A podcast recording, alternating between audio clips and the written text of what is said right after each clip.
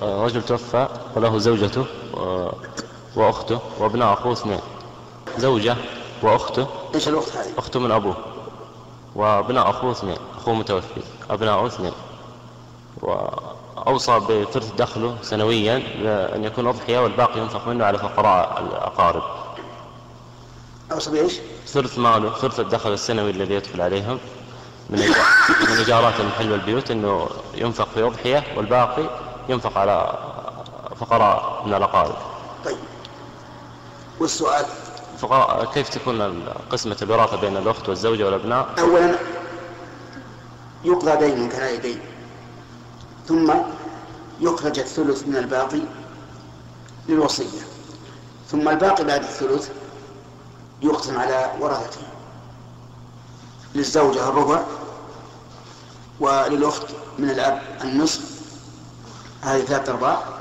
والباقي لأبناء أخو...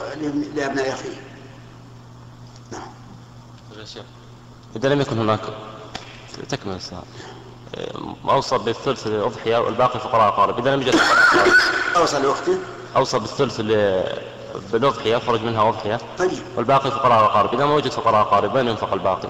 فقراء المسلمين جزاك الله.